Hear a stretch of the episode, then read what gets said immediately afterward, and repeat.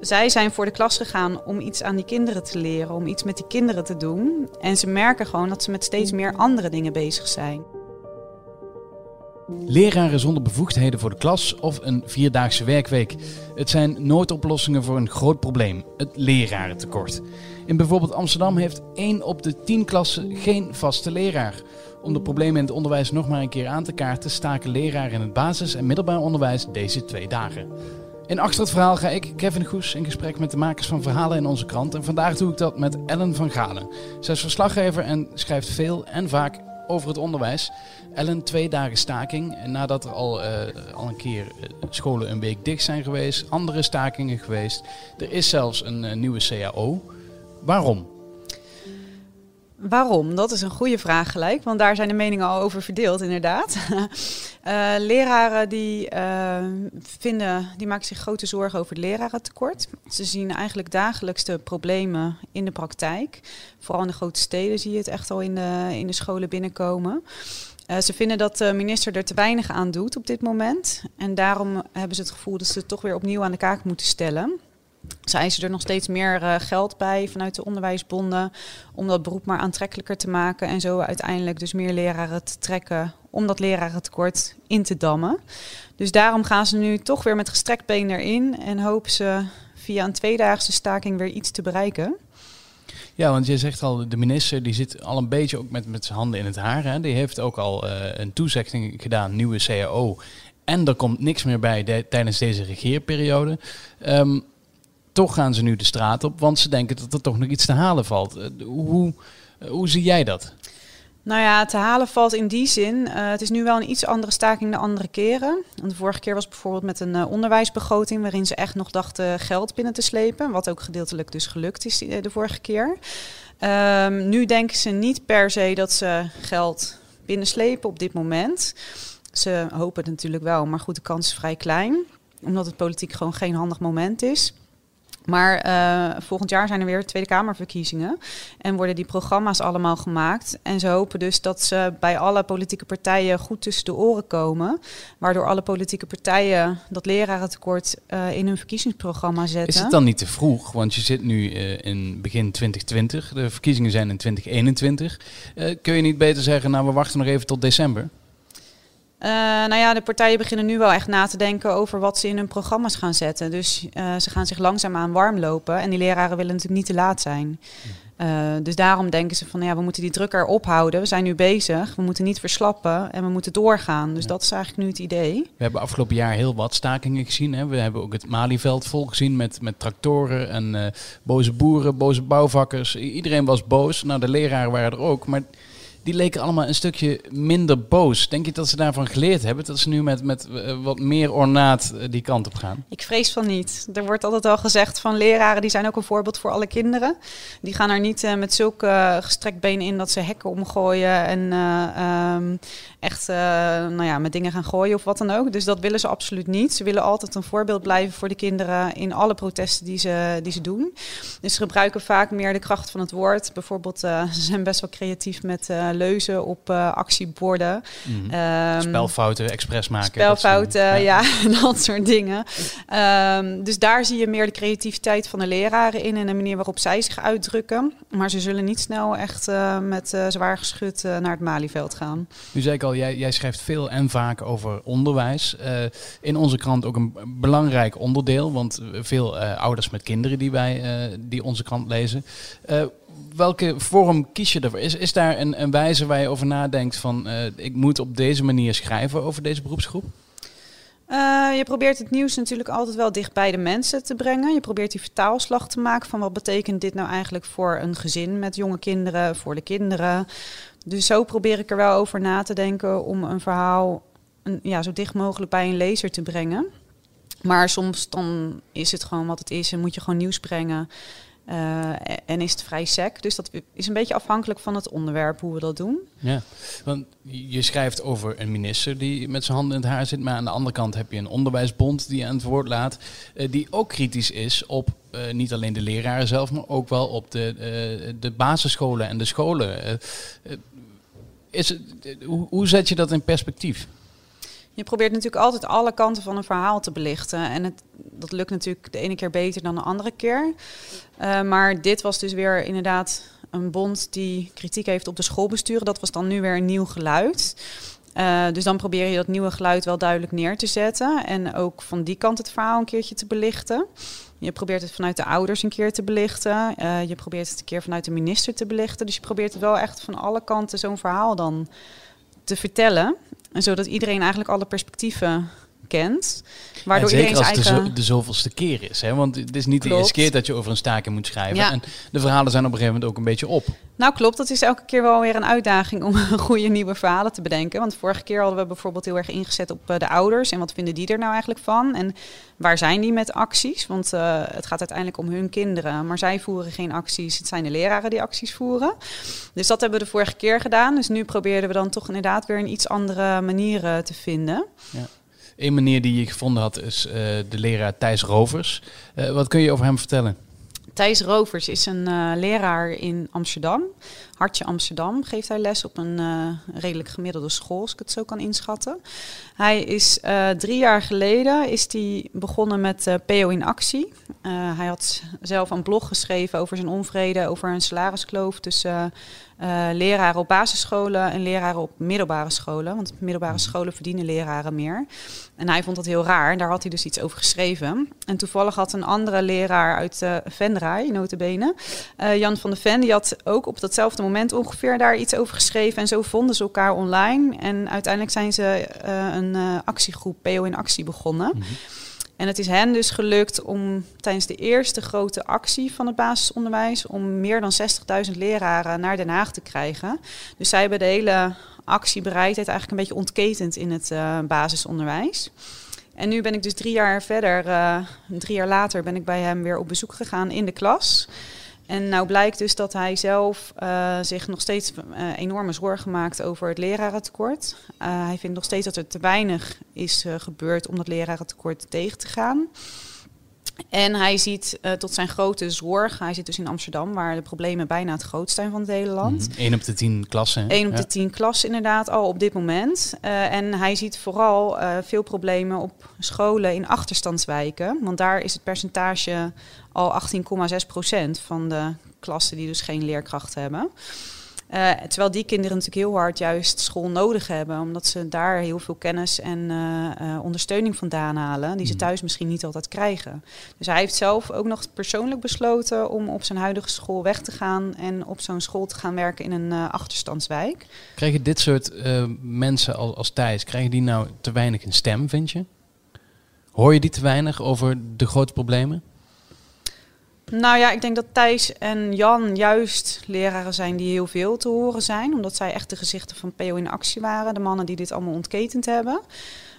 Um, ik denk ook dat er veel leraren wel in de media zijn geweest de afgelopen jaren. Ik denk dat heel veel mensen ook echt wel weten wat er aan de hand is met dit beroep. Uh, dat veel mensen ook wel beseffen dat het een zwaar beroep is. Dat veel mensen dat ook zien bij hun eigen kinderen wellicht. Um, dus ik denk eigenlijk dat ze wel. Uh... Maar waar ligt dan de kern van dit probleem? Hè? Want dat, is, dat zul je jezelf ook wel heel vaak afvragen. Van, uh, iedereen weet dat het zwaar is. Uh, mensen met kinderen zien elke dag een leraar die aan het zwoegen is voor de klas. En toch houden we al heel lang dit probleem. Ja, nou ja, ik denk dat het gewoon heel belangrijk is voor leraren om hun werk leuk te vinden. En je hoort heel vaak in die gesprekken met leraren dat ze in de loop der jaren er steeds meer dingen bij moeten doen. Zoals administreren, er is een toetsdruk ontstaan, uh, ouders zijn mondiger geworden, dus die komen vaker verhaal halen.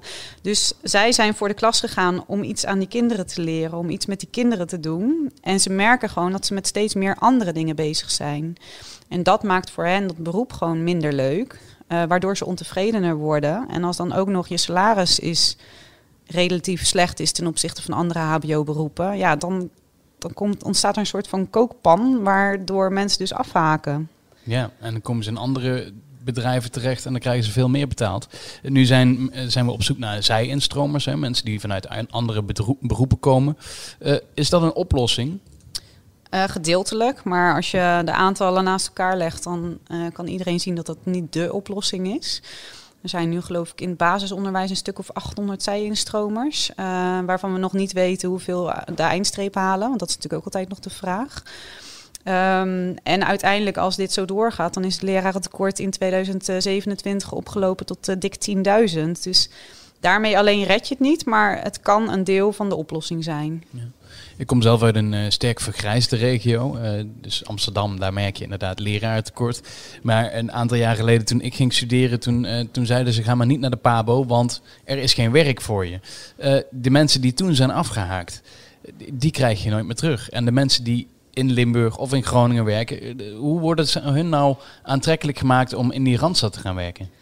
Er zijn pogingen gedaan om mensen inderdaad vanuit het plattelandsgebieden, zoals we die zo mooi eh, noemen, naar de, naar de Randstad te krijgen. Omdat je in de plattelandsgebieden dus te maken hebt met krimp. Er worden simpelweg minder kinderen geboren, komen minder kinderen op de scholen, dus heb je minder leraren nodig. Ehm, dus dat is wel een soort van discrepantie in de hele discussie. Eh, maar hoe krijg je mensen weg uit hun leefgebied? Ja, dat is gewoon heel moeilijk. Dat krijg je bijna niet voor elkaar. Ik weet dat Rotterdam bijvoorbeeld een eh bonussysteem heeft gehad van 5000 euro als iemand in de stad kwam werken. Nou ja, dat is ook alweer eh, gestopt. Dus het is gewoon heel moeilijk om mensen vanuit hun vertrouwde omgeving naar een hele andere woonomgeving voor werk te krijgen.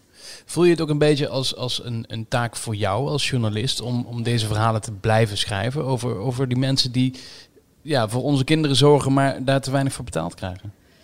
Ik voel dat zeker wel als een taak. Ten meer omdat ik ook moeder ben. eh, met één kind inmiddels op de basisschool. En ik snap heel goed dat als dit zo doorgaat, dat onze kinderen straks te weinig leraren voor de klas hebben. En gewoon te weinig, nou ja, geen goed onderwijs misschien meer krijgen. Dus ik vind het wel belangrijk dat het onderwerp op de agenda blijft. Ehm, al weet ik ook niet wat de oplossing is. Daar ben ik misschien ook niet helemaal voor. Ik bedoel, Mm. ik kan natuurlijk dingen het beschrijven. Ik Ja. kaart het aan. Ehm, en ik weet ook niet wat de oplossing is. Eh, leraren zeggen zelf ook wel, we vragen meer geld. En dat is misschien een deel van de oplossing. Maar dat zal ook niet de oplossing zijn. Want waarom kies jij in je jonge jaren voor een beroep? Niet per se omdat het zoveel verdient. Dat het een roeping is, zo moet het zijn eigenlijk. Omdat je het leuk vindt. Ja, je wil dat graag doen omdat het je leuk lijkt. En het salaris, dat is dan eigenlijk op dat moment een tweede. Ehm, dus ik weet niet of salaris alleen het is. Maar ik snap wel dat als jij later in je carrière eventueel een overstap zou maken. En je zou dan minder gaan verdienen als je het onderwijs ingaat. Ja, dan is het minder aantrekkelijk om die overstap te maken. Dus dan wordt het weer belangrijker. Even terug naar die schoolbesturen, want daar hadden we het al eventjes over. Ehm, hun wordt ook wel vaker verweten dat zij geld oppotten. Hoe wordt daar naar gekeken? Als je dat ook aankaart bij een schoolbestuur. Ja, dat is een, echt een lastige discussie. Ook voor, voor een journalist zoals ik, eh, om daarachter te komen. Want eh, het ministerie zegt altijd van jullie hebben genoeg geld en jullie hebben heel veel op de plank liggen. Schoolbesturen zeggen dan weer van ja, maar we krijgen vaak aan het einde van het jaar, vlak voordat we die begrotingen en, en die eh, jaarverslagen moeten inleveren, krijgen we er alsnog een bak met geld bij. En dat kunnen we niet in één maand tijd besteden. Dus dan lijkt het net alsof we heel veel op de plank hebben liggen. Dat is meestal wat zij zeggen. Bovendien zeggen ze daarover dat ze ook moeten sparen voor bepaalde onderhoudsdingen of langetermijnzaken. Ehm en wat ook nog wel een reflex uit het verleden schijnt te zijn, is dat ze wel relatief eh, zuinig begroten. Omdat er in het verleden al vaak bezuinigingen zijn geweest op onderwijs. Ja. Ehm, dus dan houden ze liever wat meer achter de hand om te voorkomen dat ze dan dus mensen moeten ontslaan uiteindelijk, omdat ze niet meer structureel dat geld hebben, dan dat ze het nu alweer besteden. Dus ze zijn ook wel relatief voorzichtig, natuurlijk zeggen een de heel, bonden. heel interessant punt wat je eh, daar raakt. Die bezuinigingen die allemaal eh, plaatsgevonden hebben. En nog niet eens eens zo lang geleden. Waarop eh, het onderwijs echt uitgekleed is. En waardoor heel veel mensen nu daar ook niet meer willen werken. Dat komt nu als een boemerang terug. Ja, klopt. Want er was bijvoorbeeld al een jaar of twaalf geleden een rapport over eh, het lerarentekort ook eh, uitgekomen. Dat er een groot eh, lerarentekort aan, aankwam. Dat er actie moest worden ondernomen om, om dat tegen te gaan. En toen heeft Plasterk in die tijd, dat was rond 2009, heeft Plasterk eh 1 miljard euro uitgetrokken. Maar aan het einde van de rit bleek dus dat toen de crisis toesloeg, dat er zelfs anderhalf miljard bezuinigd is. Dus dat is een beetje een Ja. soort van Dus het, het klonk als 1 miljard erbij. En het is eigenlijk anderhalf miljard eraf. uiteindelijk onderaan de streep wel. Ja, en zo is het dus wel vaker in het onderwijs gegaan. Ja, en Slop die zit dus nu met de problemen. En, en nu wordt hij van alle kanten hard aangepakt. Uh, heb je soms als, als journalist dan ook het gevoel van... ik moet die man in bescherming nemen? Of, of denk je daar helemaal niet over? In bescherming nemen vind ik een groot woord. Uh, je moet er wel over nadenken. Ligt alles inderdaad bij hem? Nou ja, dat kan je je afvragen. Kan hij dit in zijn eentje? Kan je je ook afvragen. Kan hij meer doen? Ja, dat kan je je ook afvragen. Dus over dat soort dingen denk je wel na. Het is niet dat je hem zomaar alleen maar de schuld in de schoenen schuift.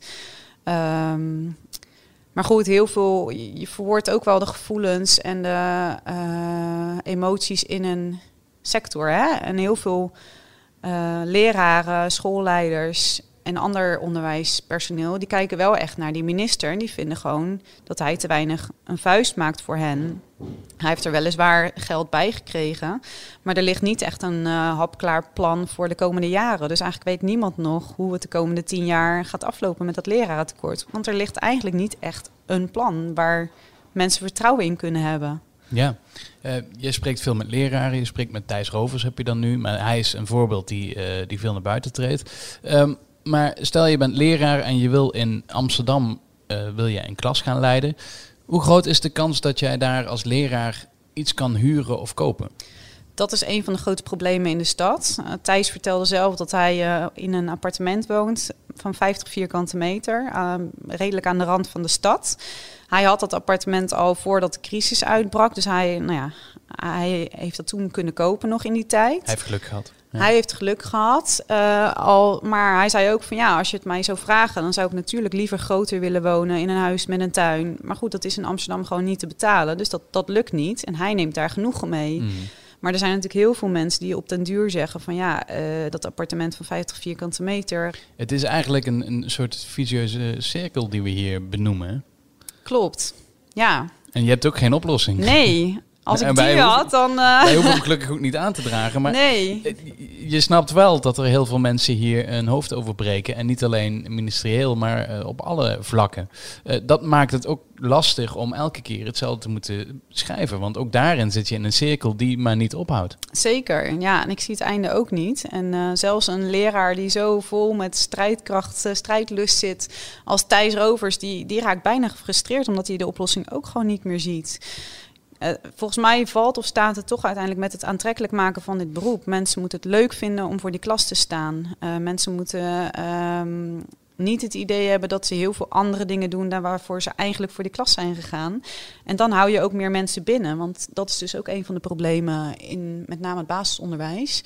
Dat in de eerste paar jaar nadat ze van de PABO komen, valt echt één op de drie leraren nog uit. En dat zijn natuurlijk echt hoge aantallen. Ik bedoel, als je die mensen kunt houden dan heb je zo alweer een heel groot deel van het probleem opgelost. Dus daar zit denk ik echt nog wel een, een kans om dat beroep gewoon weer leuker en aantrekkelijker te maken. Terug naar de kern. Daar pleiten ze ook veel leraren voor. Laten we dat dan als positieve noot pakken om mee af te sluiten. Ellen van Galen, dankjewel. Uh, de komende dagen dus uh, staking van het, uh, van het onderwijspersoneel. Volgende week zijn wij er waarschijnlijk ook wel weer met een nieuwe Achter het Verhaal. Uh, in de tussentijd kun je ook luisteren naar een nieuwe podcast. Hoofdzaken heet die. Dat is uh, Hans Nijhuis die vertelt over wat er afgelopen maand allemaal gebeurd is. En hoe hij er als hoofdredacteur uh, naar kijkt. Luisteren dus. tot volgende keer. Ik was Kevin Goes.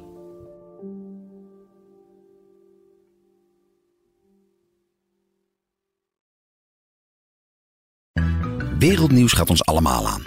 Maar als het nieuws gaat over je stadje, je buurtje of je straatje dan voel je, dit raakt.